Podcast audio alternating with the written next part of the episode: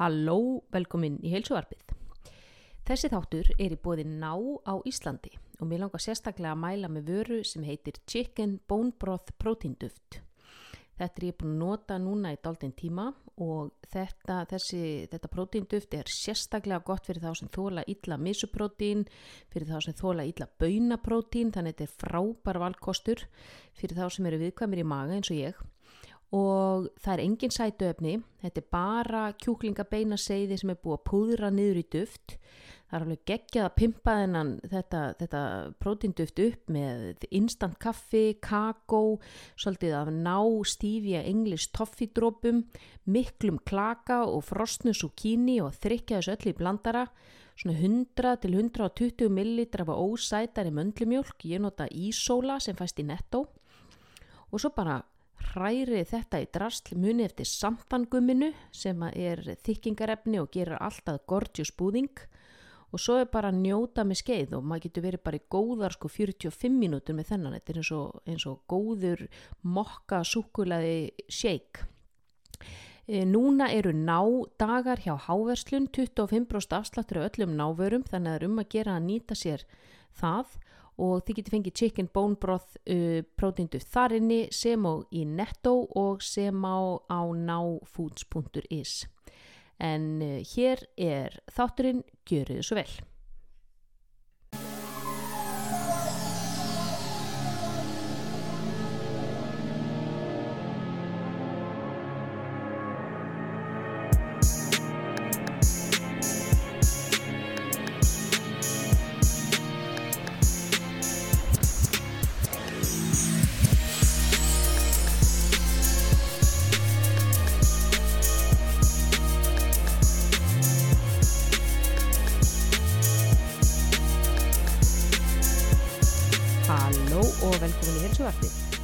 Blessaður Helgi. Jú, blessu, þrakka nagli. Hér sittum við í stúdíón okkar í Kaupmannahöfn. Mm -hmm. á sunnudegi. Mm. -hmm.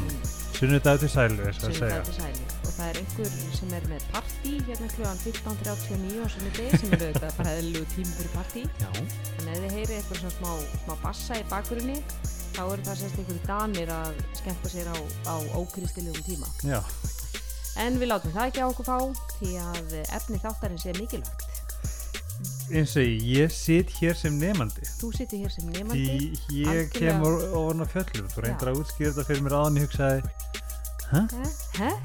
Hæ? Ekki? Já. Þetta mannst eftir þættinu sem við vorum með grunnbrennsluna. 100 vart, ég hlusta á hann oftar en þrísvar Já, ég er búin að fá rosa gott feedback á hann. Mjög margir sem hafa því. á hann. Ég, Og margir sem hafa sagt einmitt að þeir eh, sé að upplifa þetta og hvernig þeir geti hækka hjá sér grunnbrennsluna, Mhm. halda jafnvel að grunnbrennslan hjá sér sé bara komin í lamasessið og, Mhm. og hvernig hvað þeir eru að gera og, og, og svo leiðist. Þannig að ég er búin að fá mörg skilaboð og mikið feedback á hana þátt og ég ákvæðilega bara skella í þátt þar sem að ég myndi tala um svona hvað er að gerast í líkamannu þegar grunnbrennslan hjá okkur lækkar og hvernig við getum svona bombaðinni aðeins upp og, og það er, er aðferð sem að uh, ég notaði á sínu tíma til þess að laga hjá mér grunnbrennsluna og heitir á ennsku reverse dieting. Mhm. og ég er svona að segja þetta þetta er bara svona að setja í bakkir. Já, já, er það ekki svona svolítið gott í íslenskt það er mjög gott og ég sit hérna sko sem að kort er í þrítugt og þá hef ég heyrt að grunnbrennslan eigi að lækka. Já, blessaði 41 ás hérna sko Já, það er svona, ég korter, er sko. mjög spenntur að heyra. Já, já. Ég, þannig ég held að þessi margir sem geta bæði konur og kallar og allir bara sem að hérna vilja dundra grunnbrennslinu upp í, upp í hérna rjáfur. Því að það sem við viljum náttúrulega er grunnbrennsla sem er bara svolítið að vinna fyrir okkur þegar við setjum bara á raskatinu sko. þú veist að við séum ekki alltaf með að sko handvirt að reyna að brenna fytu þú veist að, að við séum að brenna fytu bara ég og þú hér þar sem við setjum að því við erum bara búin að byggja upp góðan vöðamassa og síðan alltaf búum við þannig samfélagi sem að er bara minna, það er matur út um allt og ég meina við erum að fara í veislu hringa og þangað og það er út að borða og það eru fermingaveislunar og brúköpinn og allt þetta.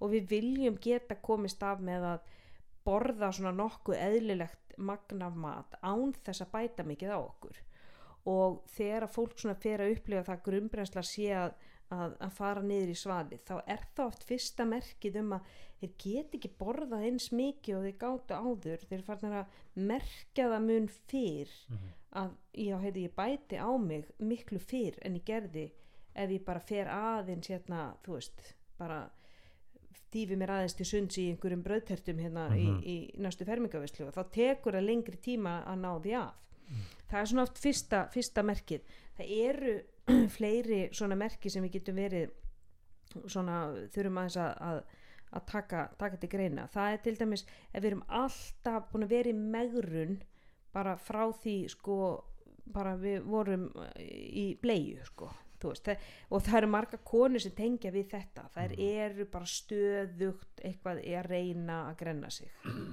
þannig ef við munum ekkit eftir neinu öðru heldur en að hafa verið hangandi á horriminni í, veist, sleikja spínatið að þá, þá er kannski komin tími til þess að setja bakkir. Um, eins er það ef við höfum sko, verið í megrun og gekk vel mistum kíló svo bara í langan tíma gerist ekkert. Ekki nætt haggast ekki smjörið sko. Mhm. og það getur verið óþólandi þú Mhm. ert að gera allt eins og þú varst að gera þú ert, búin, ert að mæta upp á punkt og prikkiræktina og þú ert að skamta þér á diskinn og ógeðslega meðvitaður Mhm. og þegar það er ekki að skila neinum ánangri shit hvað er langar að fara að grenja sko. Mhm. til langar bara að leggjast í jörðin eins og krakki í matvörubúð kljóðan 5 á daginn sko. Mhm. brjálaður lífið er ógeðslega ósengjant og síðan er annað svona sem maður þarf að svona mm, hafa í huga. Það er ef þú, ef þú finnur að matalistin er svona minka þrátt fyrir það að þú setja að borða mjög lítið Mhm. að þú verður ekkert mjög svangur skilur ég á matmálstímum eða finnur raunin ekkert fyrir miklu hungri. Og, og það er oft merki um sko að leptín sem er hormón sem ég hef oft talað um. Settu hormónin. Rétt er það Helgi. Ég hann tekur eftir. Já. Ding ding ding, Ding ding dong dong. Og leptín er vinnu vors og blóma þegar kemur að fyrirtabi Mhm. við viljum hafa hann alveg bara urlandi ánaðan sko. Mhm.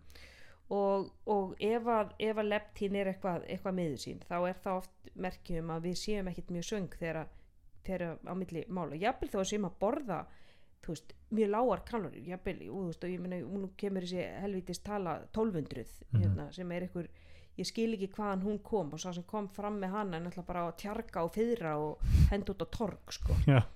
um, síðan er bara það að við erum hægt að sjá einhvers konar framistöðu í, þú veist, við erum hægt að, að bæta okkur í ræktinni þú veist, við erum ekki að hoppa herra, við erum ekki að hlaupa hraðar, við erum ekki jafnvel að fara tilbaka Mm. jafnvel að missa styrk jafnvel að, þú veist, opbáslega þreytt á, á æfingu þú veist, erum ekki að dráði erfiðara að, að þú veist, að, að, hérna, það sem áður var svona frekar auðvilt dráði erfiðara bæði hvað var það þól og styrk síðan er annað merki það er að við finnum að svona, við erum kannski farin að verða svona eins og skinny fat þú veist, við erum ekki lengur að finna fyrir þessum hörðu vöðvum Mhm.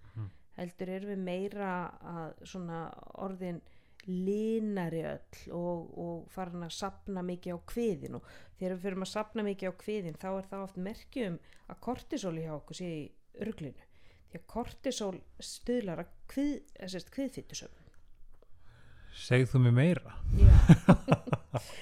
kortisól er náttúrulega streituhormónið Já. Og við losum út kortisól þegar við erum, að, erum til dæmis í, í svona æfingum á mjög hári veist, við erum að tala um crossfit við erum að tala um bara sprettlaup og, og þú veist ekki jafnvel bara mjög þungar liftingar en, en yfirleitt sko liftingar sem eru gerðar á svona, veist, svona high intensity þú veist, að við erum að að keira kannski frá einni æfingu til annarar og lítil kvíld á milli jafnvel að taka ykkur að spretti eða róðravél eða að saltbike eða eitthvað svona svolítið svona functional fitness crossfit dæmi Mhm.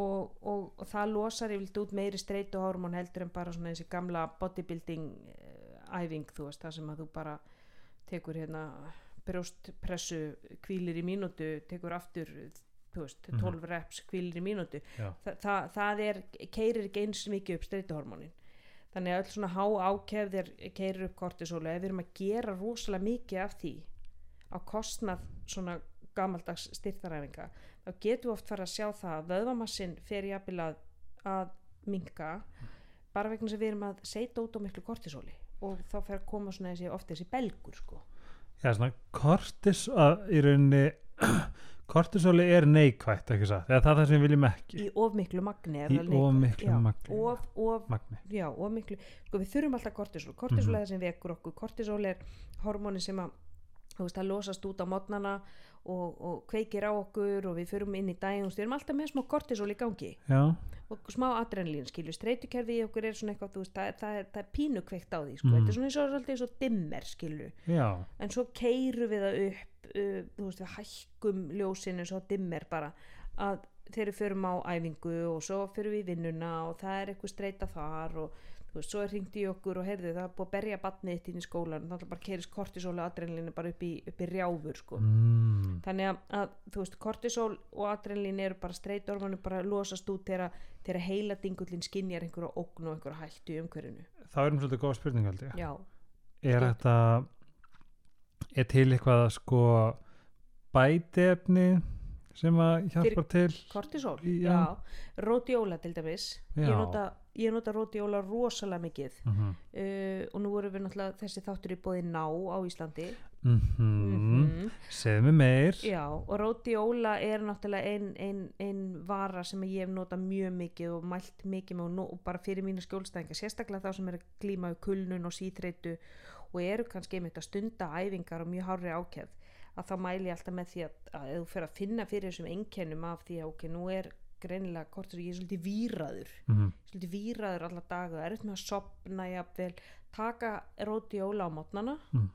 það er svona að gefa manni pínu orku og, og svo eru, er, eru hlutir eins og uh, ashwagandha sem er uh, indveskjurt hún fæst á Íslandi en, en hún er svona hálfbönnuð á núna gráu svæði. Síðan eru sko adaptogens sveppir eins og til þeim sem er reishi. Reishi já, reishi mitt. fyrir svefnin. Algjör game changer. Og það til dæmis fæst í veganbúðinni frá Kiki Health. Reishi, ég held að sé eini staðin sem þú getur fengið reishi. Þú líka fengið á ná. Minnum fyrir ná Já, Já. No Já, kemur svona töfluformi og Þú segir nokkuð. Já, Reishi Ég held að það var okkur gráu svæði með Livia eitthvað, Já, sko nei ég veit ekki. Nei, ég get svo svara, mannst ekki ég með þess að staðleinum að þér, mannstu Já, niður í náskúfuninni sem að ah, þú þarf til að setja í highlight sko. Já, það þarf, þarf að vera eitthvað aðgengi til að skoða þessu skúfu þessi skúfa sko, náskúfan já, þannig að það er, það er ímis, ímis hérna, ímsa leiði til að, að lækka hjá sér kortisóli Mhm. með, með, með bætaefnum, alveg klárt sko e, og þá komum við mitt að eh, öðrum svona e, sem er oft merkjum það að við þurfum að fara að setja í bakkir og aðeins að, að keira okkur út úr, út úr þessum lágu kaloríum og, og miklu æfingum Mhm. það er til dæmis að ef við höfum erfitt með að sopna og erfitt með að þú veist, vera, þú veist, við fáum ekki við fáum ekki samfleittan svefn við erum ofta að vakna á nóttunni. Það getur oft verið bara merkjum það að við séum svöng. Þú veist, líka mann er bara vekjað upp hann er bara, hei, gaur við erum ekki fánitt að geta, er ekki úti að, að finna fyrir okkur fæði? Þú veist, er það að vera einna sofandi, skilur bara óbeint, þú veist, það er maður er það að meina þegar maður finnur fyrir hungunu eða bara, Já, þú kannski finnur fyrir svengdinni eða þá, jafnvel, sko, þú sitt komin á þann stað þar sem að þú finnur jafnvel ekkert mikið fyrir svengd en adrenalín og kortisol er samt að út já vegna þess að, að það, hann, hann er ekki fá næja næringu Mhm. og hann á erfitt með að, að vera sofandi vegna þess að, að það vantar. Vantar Já, svo er oft talað um svona kringum fimmleiti á mótana þá það sem er blóðsykurinn fellur og það er oft þá sem að við erum svona að byrja að ranka við okkur og, og, og vakna þannig að milli svona 5 og, 5 og 6 eða þú ert að vakna mikið þá og, og það er eitthvað með að vera svoandi og út andvaka kannski 1-2 tíma á nóttunni að þá getur það oft verið merkjum að heyrðu, nú er komin tími til þess að aðeins að endur skoða, endur skoða þetta. Mm um, og síðan er, er uh, annað merki, þú veist, ef að hérna, ef við erum þú veist, mjög farin að fá miklar hasperur og erum oft mjög þreytt og kannski svona þessir, þessir litlu svona litlu þessi kalla svona nags þú veist, það er svona, mér svona er- pyrringur já, svona, þú veist að það svona ilti, þú veist, við fáum oft sem við sem æfum mikið, við fáum þú veist, það er öxlin eitthvað stríð okkur og það er eitthvað svona smá aðeins í rassinum og eitthvað, en ef þetta fara að vera svona alveg þrálátt getur það bara verið merkjum að hreinlega bara heyrðu, nú þarftu bara aðeins að fara að skrúa niður sko, mm. þú þarftu bara að fara að borða aðeins meira og þú þarftu að fara að æfa kannski aðeins að endur skoða æfingarna þínar um, svo er sko þú veist, fyrir konur til dæmis eða fara að missa blæðingar eða þær fara að vera óreglegar eða þær fara að vera stittina vanalega eða þau fara, þú veist, blæða minna en vanlega, blæða meira en vanlega það er eitthvað svona breyting á tíðarhingnum Mm. þá er það oft bara ding ding ding ding ding ding ding þú veist. Að þar er, er við að tala um sko að, að leptín aftur hefur áhrif á áttu við settuhormónið settuhorma að er rétt hjá þér en sko lep, leptín sko setta, settan er bara eitt af sko miljón, leptín er lús yfir náungi sko, það er mm. brjálað að gera hjá honum. Ah. já, hann er þúsundtjala smiður þannig að hann hefur áhrif á alls konar hormón.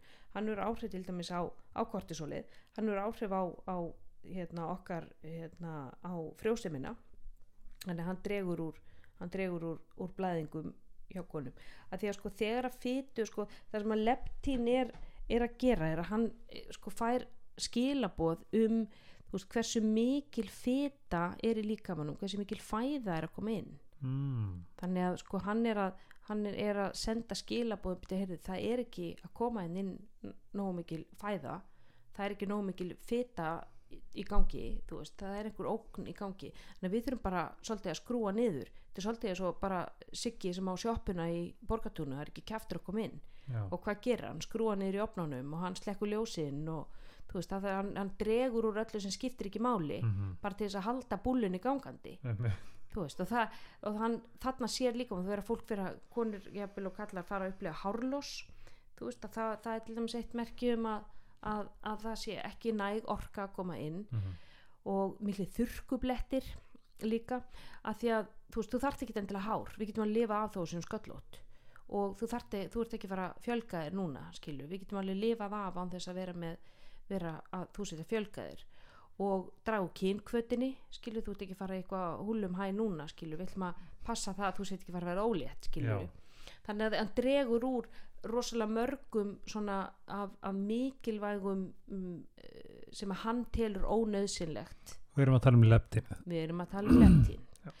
Og hann hefur áhrif áhrif á skjaldkirtilin og það er nefnilega eitthvað sem að maður heyrt sko einum of oft. Já, Já. ég er með svo hægan skjaldkirtil, og eitthvað svona. Mm hann hefur áhrif á hormónin í, í skjaldkirtilum uh, TRH og TSH og síðan, þú veist, uh, lúteinhormón eða LH hefur hann áhrif á. Þannig að, að þessi sko og testosterón hjá kallmönnum það fyrir niður til dæmis.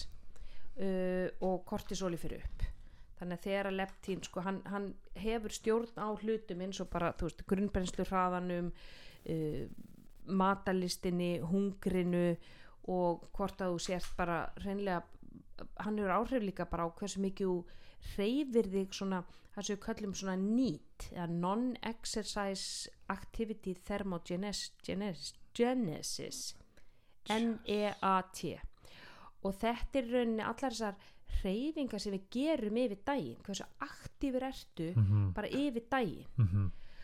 og þegar leptín sko, þegar leptín droppar líka þegar þegar fer niður þá gerir leptín okkur löt. Vegna þess að það er lítil orka að koma inn þannig að hann fyrir aftur að spara aftur, siggi með sjoppuna í borgatunnu ekki ekki aftur að koma inn fyrir að spara, spara þannig að hann fyrir að spara með því að gera því þannig að þú nennir síður að fara í póskassan þú nennir síður að fara til dyra. Þú nennir síður að Mhm. þú veist, þú ferða þú ferða sko ósjálfrátt á þess að áttaði endilega á því til dæmis, æ, heyrðu nennur að fara fyrir mig út í bíl og ná í hérna í glemdi mm þú, þú, þú orkar það ekki sjálfur. Mhm. Og það er ímislegt svona sko. Þetta er svolítið svona overskúð eins og við þekkjum hérna í Danmörku. Já, það er ekki overskúð það er ekki óaskú, óaskú ég veit ekki Já. hversu oft ég hef heyrt þetta í Nei. bara mín átt ár. Örgulega oftar en ég heyri halló á íslensku. gott orð. Vantar gott á íslenskt orði það er vantar en það ekki vant rauninni að nenn ekki. Já, þetta er svona meikað ekki já, ég meika það ekki, ég er ekki með orku í það, ég orka það ekki. viðkynni samt þetta er samt algjör graftabóla í tungumáli það er bara, það er, er bara hvernig einasta ástæða til þess að nýta æ, ekki, óskuð það er bara svona þegið maður. Við erum ekkert með þetta Nei, við kunnum þetta það segir enginn eitthvað, ó ég meik ekki fara til Nei, bíl. við, við bara girði sér í brók og fyrir til búð já, bara líka bara snjóstormur ekki það er bara, Já. þú bombar henni í bíl Vekk. kreditkorti og skefur á rúðinni já, Já, einmitt Pínu lítinn glugga og, já. verð svo góð En sko, það er, það er hérna einmitt og þetta er það sem að, það sem að gerist í þegar við erum, erum búin að vera lengi að reyna að greina okkur þú veist, Mhm. kannski marga, marga, marga mánuða því við verðum átt okkur að því við getum ekki verið endalust í að, að megar okkur meira okkur mm. Það er bara því að borða minna en líka með brennir í Mhm. langan, langan, langan tíma alveg sama hvað þetta við sem er mörg auka kíló eða ekki, Mm þá er þetta streyta fyrir líkamann Mhm. það fyrir að losast út á mikið kortisol það fyrir að, það fyrir að leptín fer í, til, þú veist, hann fer bara í fílu bara nennuski, yfirgefu bygginguna já, bara eins og Elvis he has left the building. Leptín ég er með, með eina spurningu samt, sko, Mm. erum við þá ekki sammálu um að þú veist, þess að sérstaklega fólk sem hefur tamið sér þetta. Veist, líka minn mun alltaf þurfa ekki satt það sem hann þarf skilur við við erum að tala um skilur, þú veist, segjum við að margir hafa bara einmitt talið niður kaloríunar eitthvað svoleiðis. Líka minn þessi leftin þörf og kortisol og alltaf, það mun alltaf stjórna já, basically. það, það er alltaf sjálf og, og líka með vinnur alltaf. Já, líka með vinnur alltaf líka með minn vinnur alltaf já, hann vinnur Mm. alltaf.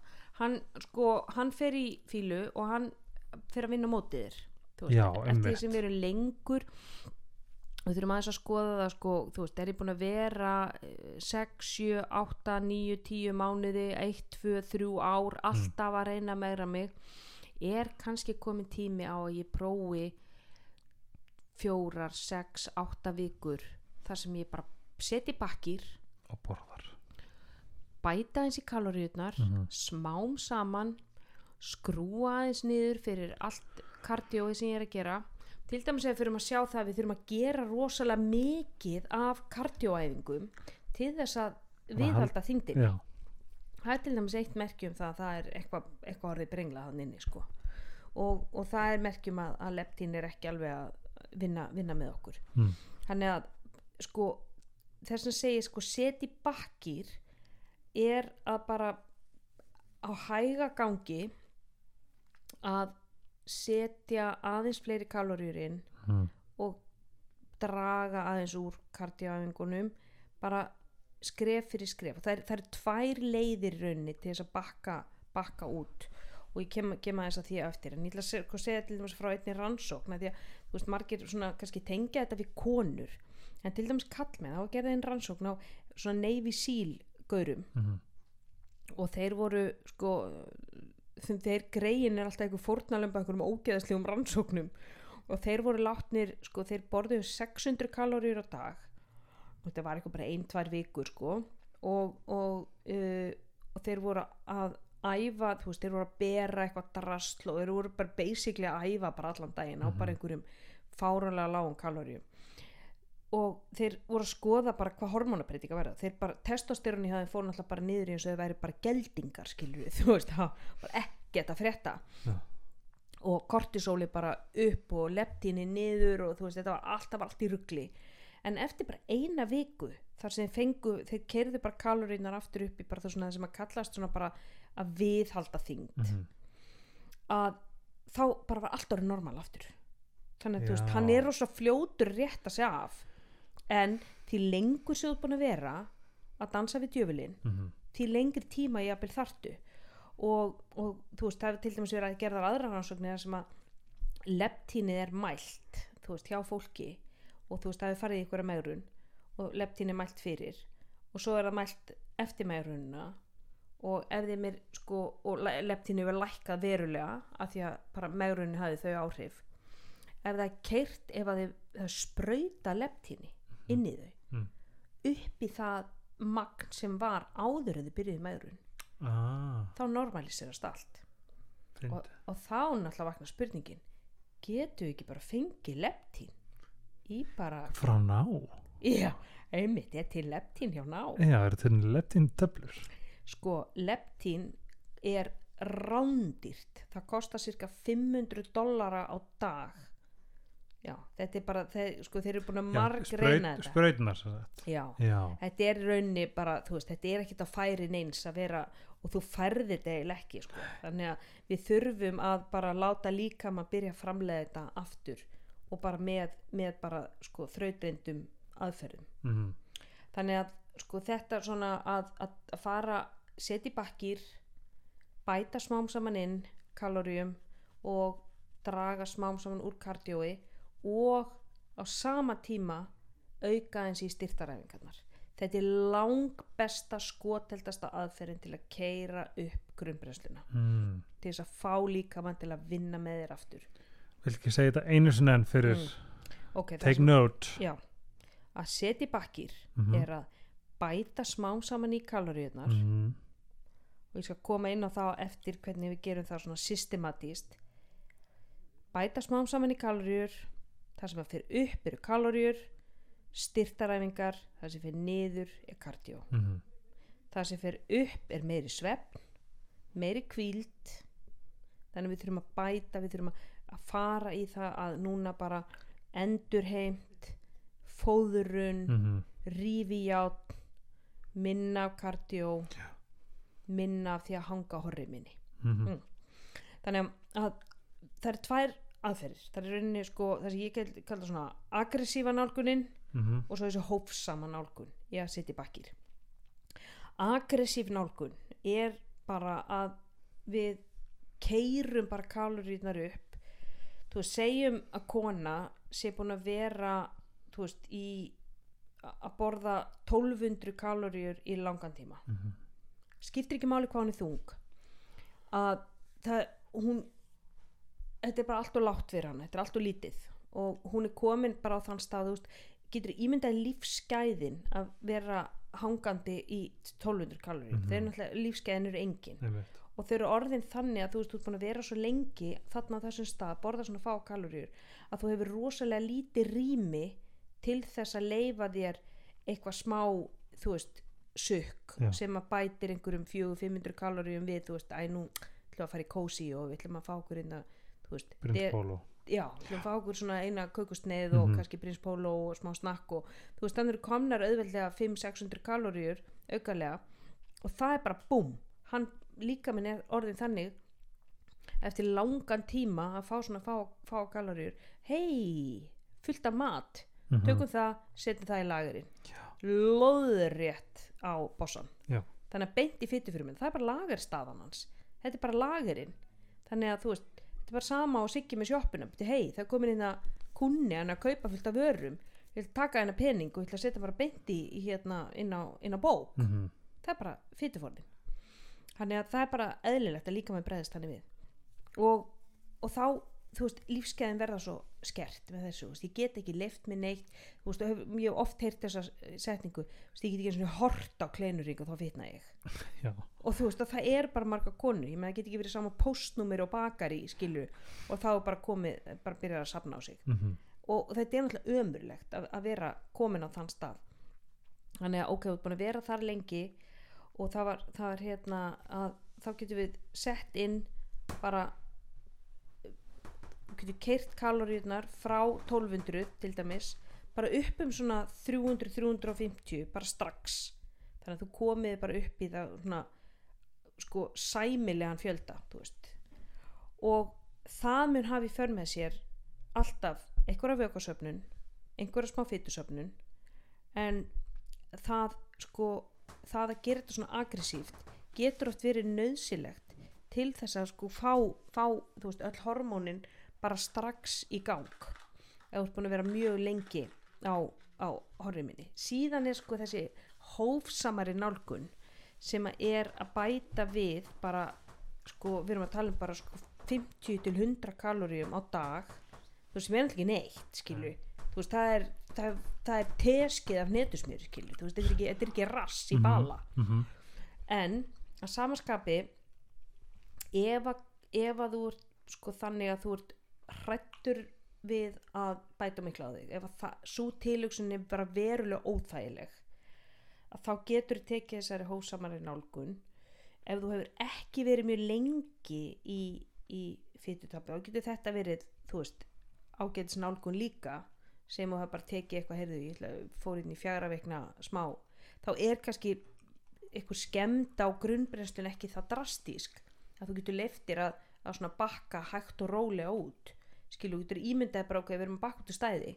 Þú veist, ég get bara þrygt á bensingjöfuna og bara komir strax út úr út úr bílastæðinu. Eða ég get bara, þú veist bara tekið bara gömlu ömmu á þetta og bara horti í alla speiklana og, og bara tekið þetta bara hægt og rólega. Já, gera það vel. Gera það vel. Og báðar aðferði kom okkur út úr stæðinu skilur við en við komumst hraðar en það fylgir því líka að, að veist, kannski einhver, einhver fytusöfnun og það, fyrir, fyrir suma er það bara mjög erfið tilhugsun. En myndur að halda sko lífsgæði bara svona andlega þú veist hvo- hvort sem að þú eru upplifað sjálf eða fræður, þú veist, finnum að fyrir því skilur við, andlega til dæmis skilur við, að að bakka út? Já. Allan daginn. Þú veist, það er eitthvað sem að fólk gæti skilur þetta fylgjast ótrúlega vel með hvað gerist þegar ég pröfa mm Mhm. skilur það Mhm. gæti verið svolítið skemmtilegt ferli sko. Og, og það er að leifa sér sko að, að þú ert að skipta svolítið um mindset þú ert að skipta svolítið um hugafar ok, núna er ég og, að, að fara út úr því að horfa reyna alltaf að sjá nálina á viktinni fara niður. Nú er markmiðið mitt að sjá hann að standa í stað og það er markmið og það verður að vera markmið líka að viðhalda þyngd að sjá og þá fyrir að fókusa bara á aðra hluti og er, er styrkurum minn að aukast í ræktinni og það er til dæmis þegar þú fyrir að finna það þú fyrir að vera öflur á æfingum Mhm. þú fyrir að vera með meiri styrkur með meira power að, að það er rosalega mikill kvati Mhm. þú veist, ég þarf ekki alltaf að vera að hóra á mér holdið, þú veist, ég þarf ekki alltaf að vera að sjá buksurnar verða víðari Er það ekki líka með eitthvað svona sem að sko sem að maður sér hægt og róla þú veist, jú, sjálfsög er það frábært það mörg, mörgu leiti en, en að líða vel og líka á sál er það ekki kannski mikilværi heldur en að líða bara vel með hvernig maður lítur út Jú. þú veist og, og ef, þú, ef þú ert á þeim stað þar sem að þú veist, þú ert að, fa, þú ert að æfa mjög mikið þú ert að borða mjög lítið, þú Mhm. ert svangur þú ert að sofa illa einmitt. þú ert pyrraður Mhm. þér, þú finnst þú vera hlunfarin og ert að neita þér um alls konar hluti af því að þú veist, þú veist að bara þú borða smá og þá fitnaru þú getur ekki tekið þátt í matmálstími með, með fjölskyldunni Mhm. þú veist, þú sleppir því að fara út að borða með vinunum þú sleppir þú veist, það hljómar alltaf bara eins og sérst eitthvað pínu sko þetta eru skert lífskeiði Já. og maður spyr sér, getur haldið þessu áfram eða Mm. finnur það, ég meina ok, þetta er kannski alltaf lægi einhver tíma Mhm. og ég meina, tala ekki um einhver fitnesskeppandi eitthvað Já, já. stíga og svið eitthvað starf, þú Einmitt. getur alveg fórnað þessu í einhverjar, þú veist, x marga vikur og Mhm. það er fyrir eitthvað, eitthvað tilgang en fyrir bara svona, þú veist, hinn almenna Jón og Gunnu, Mhm. þá er þetta bara mjög skert lífskeið og þetta er engin leið til þess að, þetta er engin lífstíl þú getur ekki haldið þessu áfram og þú finnur það, þú ert bara komin á okkur endastöð með allt sem þú ert að gera Mhm. þá ok, ég, ég verð að prófa eitthvað annað, ég verð að gefa líkamannu mínum smá breyk ég þarf að endur stilla öll hormónin í mér til þess að bara ég geti farið að vinna aftur af því svo getur þú farið svo getur þú tekið bara þetta breyk það getur verið fjóra vikur, sex vikur, átta vikur tólf vikur.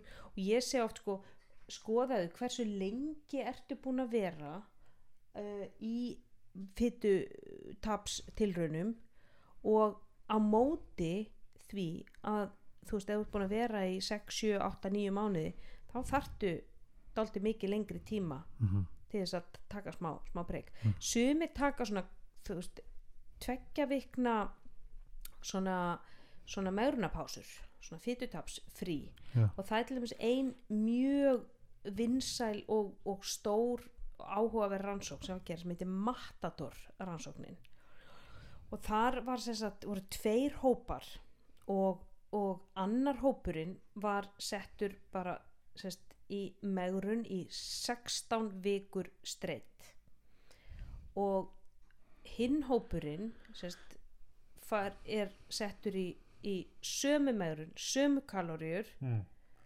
nema að þeir eru bara í tvær vikur í einu og fá svo tveggja vikna breyk þar sem þeir keira kaloríunar upp.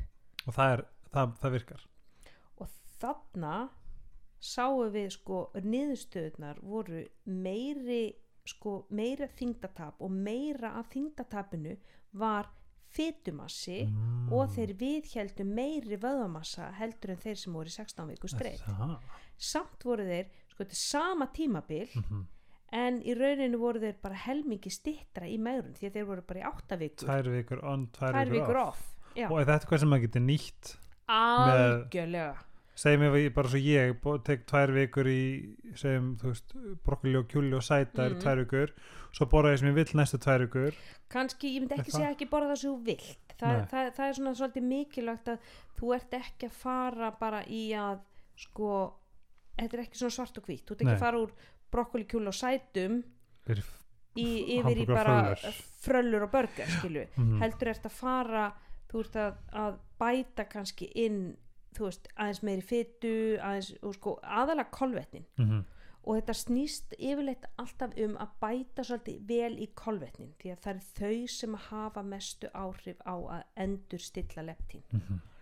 Til lengri tíni, þetta verður orð, orð ársins ársins, 2022 20 já, Ég segi það. 2022 við ætla að komi eftir, eftir okkar svona ég ætla, ég ætla að vinna lengt og ljóst í þessu en, en sérst að, að það er kolvetnin sem hafa mest áhrif Mhm. til skamstíma sko, Mm. fita hefur líka áhrif á leptín en hún tekur bara miklu miklu lengri tíma Mhm. þannig að þú vilt endur stilla kerfið er fljótt og öruglega þá keira þessu upp kolvetnin þannig að þú getur til dæmis tvöfald að magniða sætum tvöfald, sérst, sett aðeins meira að háramil út í, í háragröti bætt við ávexti Mhm. skilur, þannig að þú, þú ert að borða aðeins meira og þannig að þú ert að fá inn fleiri hittæningu verður veist, kröftur og verður öfluri þú sefur betur kolvetni til dæmis hafa mikil áhrif á kortisólið Mhm. að þau lækka kortisóli bara á núli yes sirree þess vegna finnum við oft sko.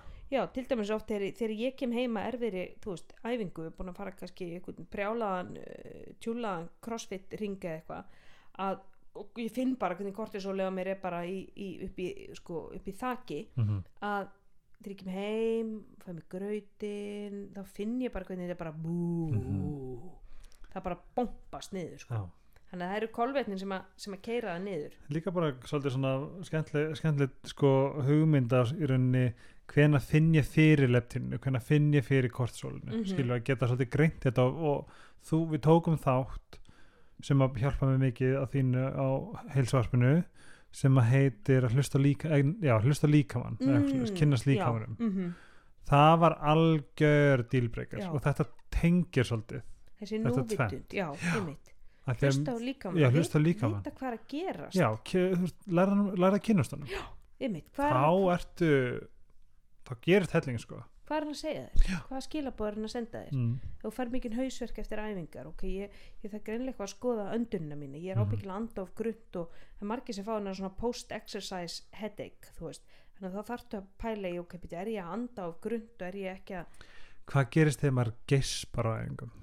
Það, sko, geisp er ótrúlega merkilegu hlutur. Mm. ég geispa eins og já, margir fáviti, segja sko geisp sé þörf líkamans fyrir meira súrefni mm. veist, og þegar við erum þreytt að þá erum við ekki að, við ekki að anda eins djúft og þess vegna Mm. fyrir við að geispa um, margir segja þetta sé bara félagslegt veist, ég minni svo ef þú geispar þá geispa ég þú veist, við hermum, sko já. Þú veist ekki búin að geispa einu sinni ég þraf ekki nótt nei, sko, málið er að ég geispa ókslega lítið já, ég aldrei séð geispa nei, ég, það er ótrúlega merkilegt ég geispa eiginlega aldrei mm. en ég man eftir því, samt einu sinni þegar ég fór í fyrst getið í Kiropraktos Mm. já, og sjáta á þetta Gumma hann? Já, hjá, okkar maður. Okkar maður, Gummi Kíró mm. hjá Kýrópraktastöður Reykjavíkur, ég fer alltaf til hans. Fyrsta skipti ég fór til hans.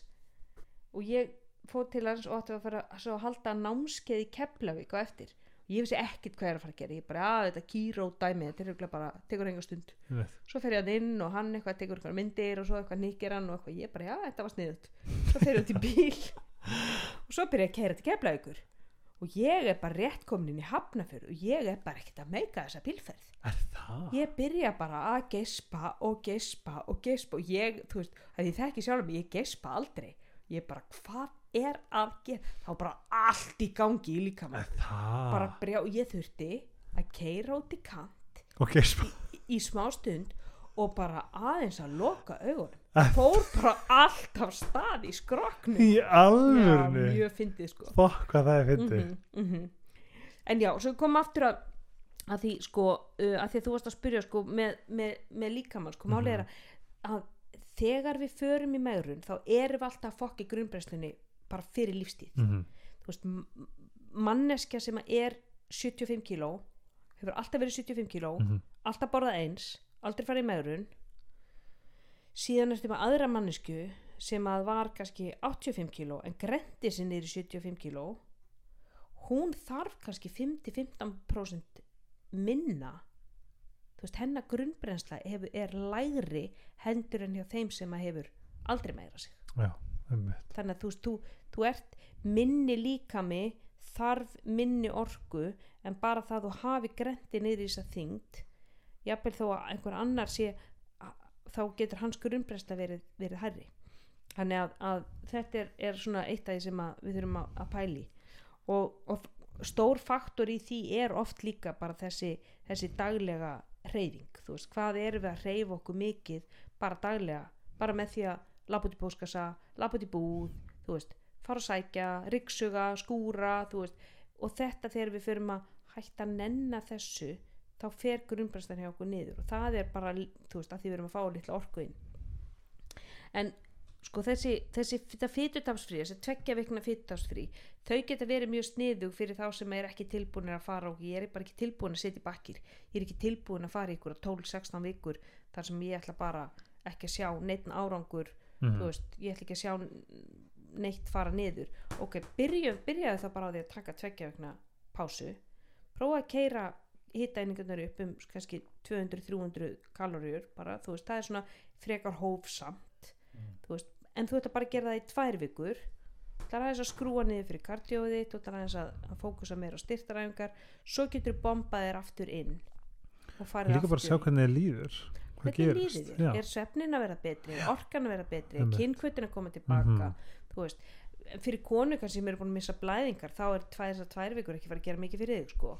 þannig að þú þarf aðeins að pæli hvað ertu og, og fyrir fólk sem að er sko, kannski er með mörg umframkíló Mm. veist, er, er mikill yfirþyngd og er með, vill losna við kannski 20-25 kíló þá getur það verið svolítið óyfirstíðanlegt verkefni ef ég segi, heyrðu, þú ert að vera í megrun hérna, heyrðu, þú ert að vera songur í ár Mhm. ó vei, gaman, Já. nei en heyrðu, þú, þú er songur í tvær vikur svo verður tvær vikur off, svo verður aftur songur í tvær vikur þannig að Mhm. þetta verður svona svona klífanlegra Þetta er svolítið eins og bara að taka góða spretti sem þú skilur Ah. tekur, akkurat, kvílið á milli já, tapa það. Þetta er bara að tapa það. þetta er svolítið tapata sko, svolítið svona high intensity interval training þannig að það er, það er svona þetta hérna svona 10-14 dagar svona það sem maður tekur bara svona periódur og þetta er líka sálfræðilega bara, þú veist, að vera ekki alltaf að hugsa um bara, hvað á ég að borða mikið hvað má ég borða, hvað ba ba ba ba ba þú veist, og það er náttúrulega bara efni í annan þátt, það er, er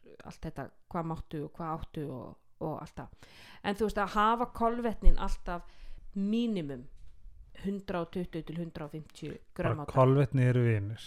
kolvetni eru vinniðinir og þetta er bara sérstaklega fyrir skjaldkirtilinn og hafa og, og fyrir kortisólið að reyna að, að sko hafa, hafa allavega mínimum 150 gram ég, ég sé bara fullt af konu sem er í sko mikilli yfirþyngd og þær eru að, slefa í 100 grammin sko Mm að þeir eru svo rættar við þetta þetta er búið að segja kolvetni stjöfullum þetta er ykkur, þú veist, það er ykkur ein auðmingjaleg kartabla á, á, á disknum ég er bara, hei, kona þryktu inn Bara pröfa fjóra, sko. pröfaði fjórar þú veist, ég, ég borða alveg fjórar sko. Mhm. mm.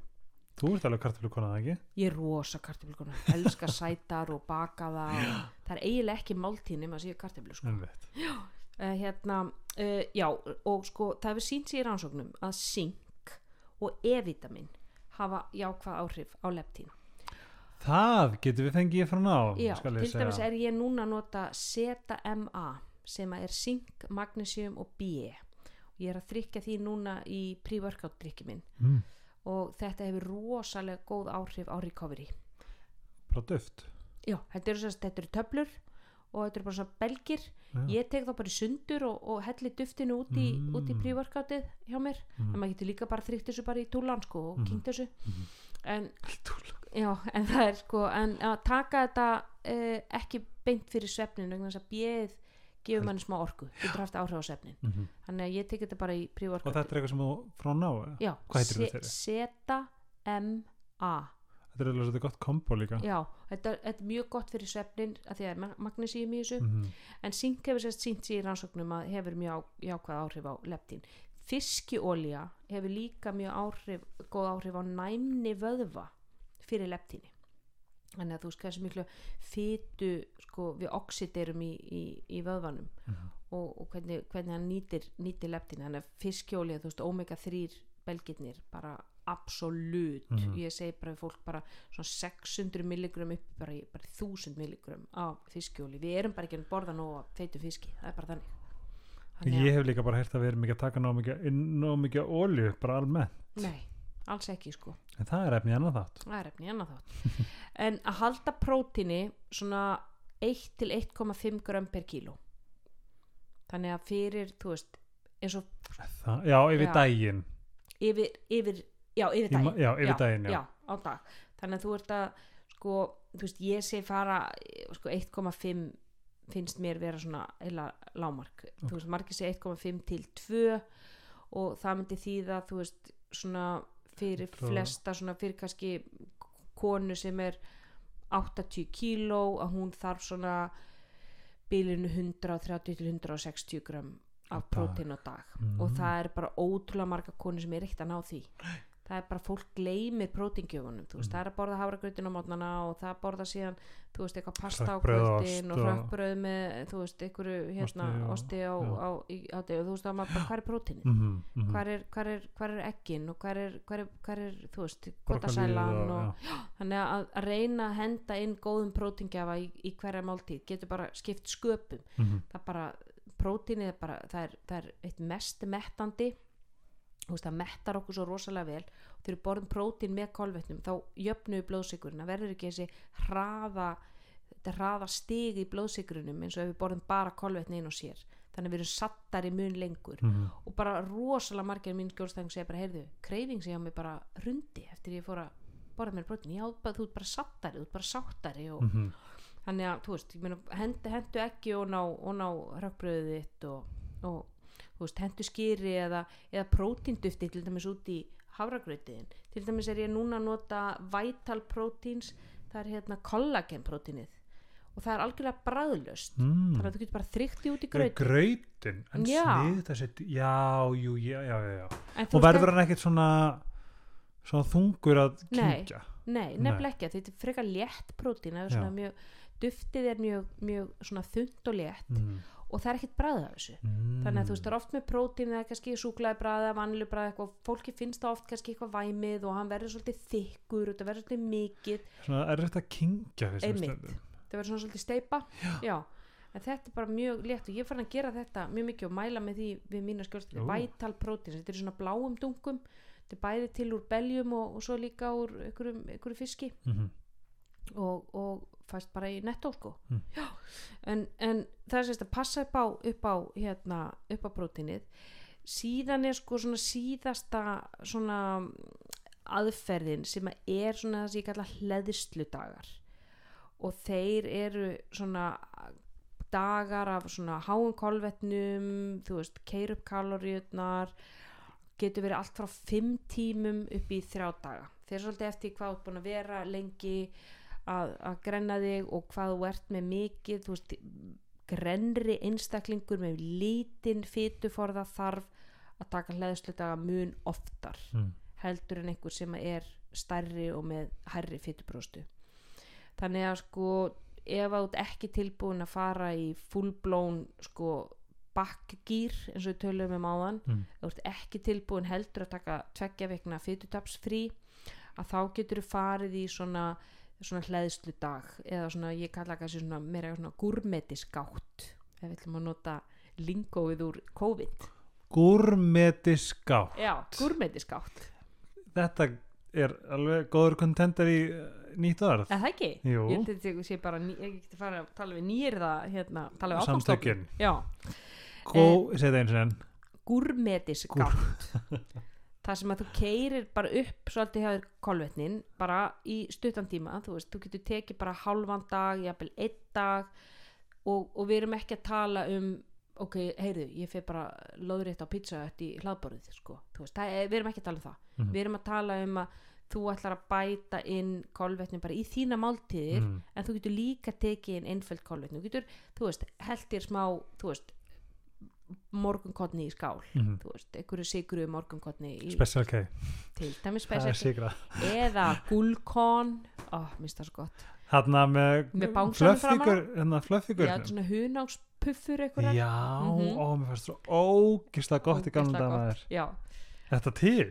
já, Nei. Jú, drein þá til og eða, þú veist, er Rice Krispies eða skilju eitthvað þessu bara, ég meina, farið bara aftur í baddóminn og bara, þú veist, faðir Mhm. reyna að skála kókaböfs og þú veist, hvað maður Njóttu vel mannstu ef maður borðaði kókaböfs sem er alltaf svo sár í gómnum En með það er ekki allir sem að þess að þú sígur líka mjölkina úr því ég vil hafa krönsi Já sko það sem mamma fyrir svo töður henni Ég seti upp mig, Mm. síg mjölkina út ah. Smjatta, þá fekk ég mér sár í góm. Já, einmitt.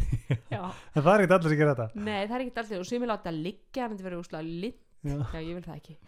En þannig að, þú veist, það, það, er hægt að, það er hafa áhrif á lepti og það er búið að gera rannsóknir á þessu, þeir segja sko fimm tímar er svona lámark Mhm. það gerist rosalega lítið á fimm tímum.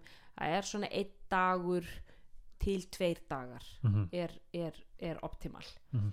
Og þú getur tekið það með sko lengra millibili þú veist fyrir fólk sem er með háa fytubróstu er að þarf mikið að missa getur tekið þetta kannski tíu dagfresti þeir sem eru orðin mjög grannir þurfa þetta oftar svona Mhm. 5, 6, 7 dagfresti þú veist þessi svona einn góður hlæðstundagur í, í viku.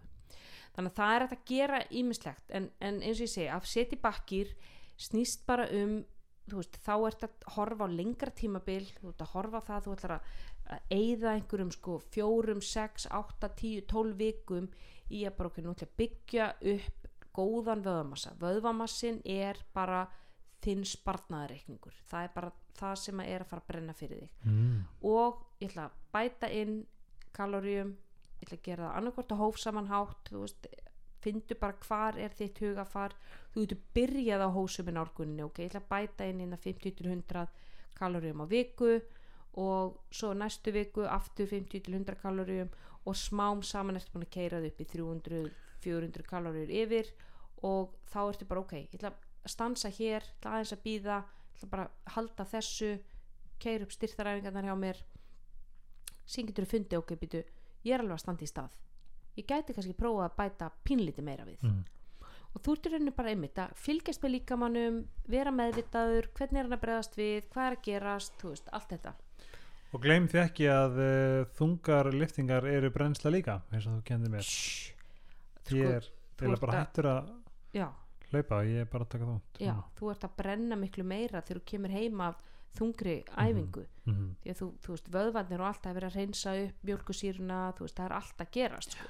Þú kendið mér þetta Já. um daginn og ég er mjög annað með Já. þakkláttur fyrir þetta að því að þú finnst þú kannski ekkert vera að gera mikið að þú ert ekki að svitna át ekki að, Mhm. þú veist, alveg að deyja Það er ekki svona gólfinu. direkt brennsla Nei, þetta er svona indirekt og Mhm. margir sem að bara einmitt skilja þetta ekki sko. Mhm.